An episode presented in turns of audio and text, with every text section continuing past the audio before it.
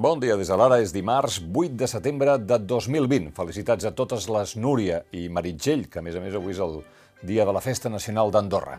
Amb quin temps ho celebrarem tot plegat avui, Roc Mateu? Doncs després d'un dilluns insegur i en tempestes importants, entre avui i demà estarem pendents d'una pertorbació que portarà més xàfecs al llarg d'aquesta tarda i especialment a la nit, amb una pluja que podrà afectar gairebé qualsevol punt del país, ser més froquent a les comarques properes a la costa i a l'interior de la meitat est. També tindrem vent i mala mar al litoral.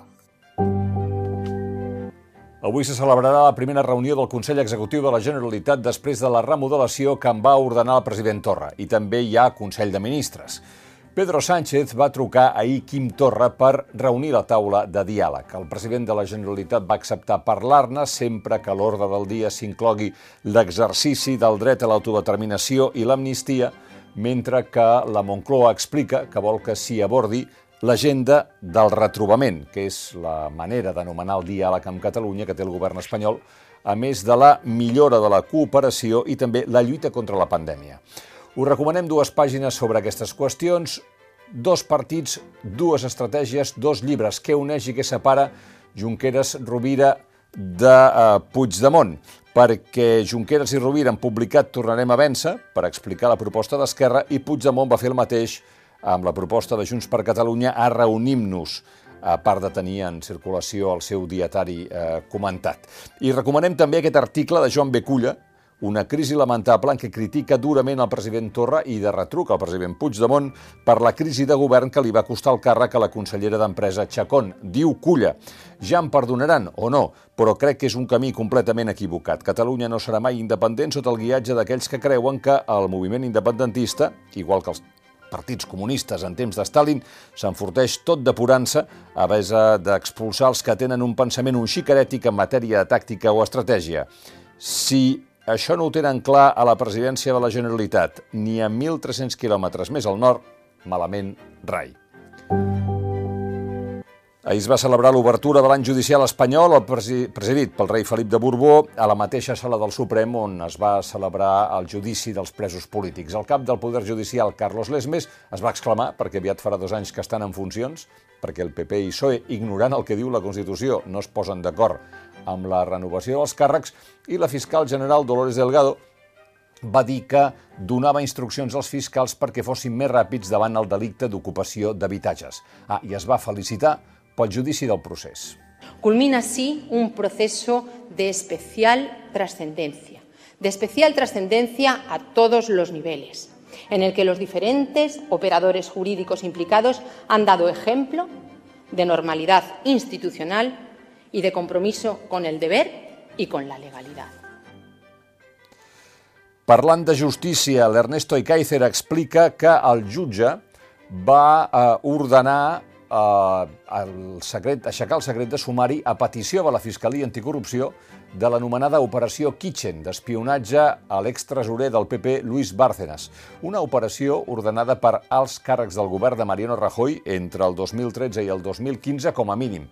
La peça estrella, segons ha confirmat l'ara, és l'informe dels fiscals en el qual es descriuen les participacions del llavors ministre de l'Interior, Jorge Fernández Díaz, del secretari d'Estat de Seguretat Francisco Martínez, de la secretària general del PP Maria Dolores de Cospedal i del seu marit Ignacio López del Hierro. En l'informe de la Fiscalia Anticorrupció es vincula l'exministre de Defensa, Cospedal, amb aquesta operació perquè tenia un interès personal en el fet que no sortís a la llum determinada documentació comprometedora sobre ella.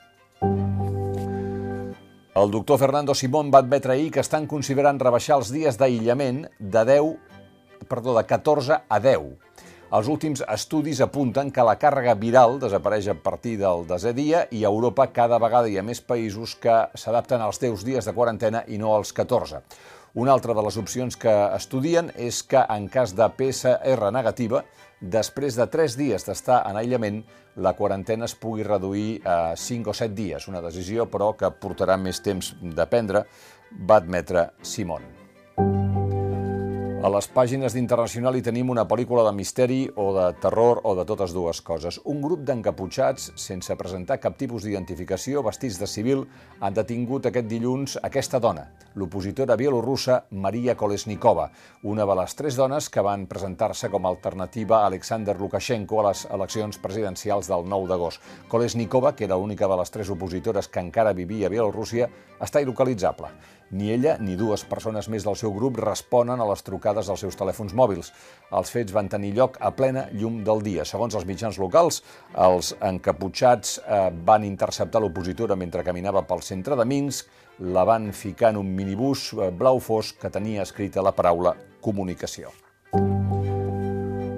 Continuem anant plens de dubtes i preocupacions eh, que desperta la fusió CaixaBank-Bànquia, una operació que acaba pràcticament amb el cacadés del sistema financer català i que ahir va ser aplaudida pel president espanyol Pedro Sánchez perquè diu que cohesiona territorialment Espanya. Y hay un elemento también que a mi juicio es importante en esta operación y es el de la cohesión territorial. Es una operación, si al final sale adelante, que implicaría bueno, pues, eh, un banco con una presencia muy importante en Cataluña, en Madrid, pero también en la Comunidad Valenciana y en las Islas Baleares.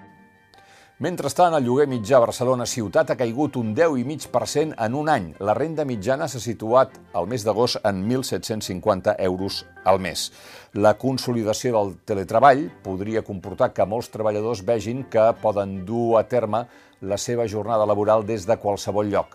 El mateix ha passat a les ciutats de Girona i Tarragona. En canvi, la ciutat de Lleida experimenta l'efecte contrari. Els lloguers a la ciutat i a la província s'han apujat. Si voleu viure una vida més sostenible, us recomanem aquesta pàgina 10 maneres per començar a ser més sostenibles a casa. El confinament ha animat molta gent a aplicar la filosofia del zero waste, és a dir, a reduir residus. En resum, comprar menys i millor, planificar els menús i controlar l'armari.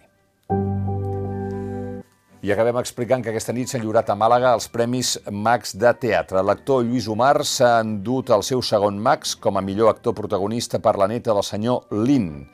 El jurat destaca que l'obra permet al lector fer una demostració enorme del seu talent eh, interpretant tots els personatges de l'obra. Ja, ja li va passar el mateix quan va guanyar el primer Max per Terra Baixa. La dramaturga Marta Aran ha rebut el, millor, el guardó perdó, a millor autoria, eh, revelació per la seva tasca a Els dies mentits.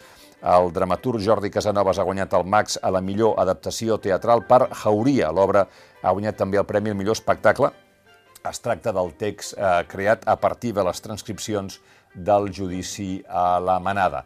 I el jurat també ha reconegut l'adaptació de Doña Francisquita, de Lluís Pasqual, i la coproducció de dansa del Mercat de les Flors Gran Bolero. Fins aquí les claus del dia. Tornem d'aquí uns minuts amb l'anàlisi de l'actualitat. Thank you.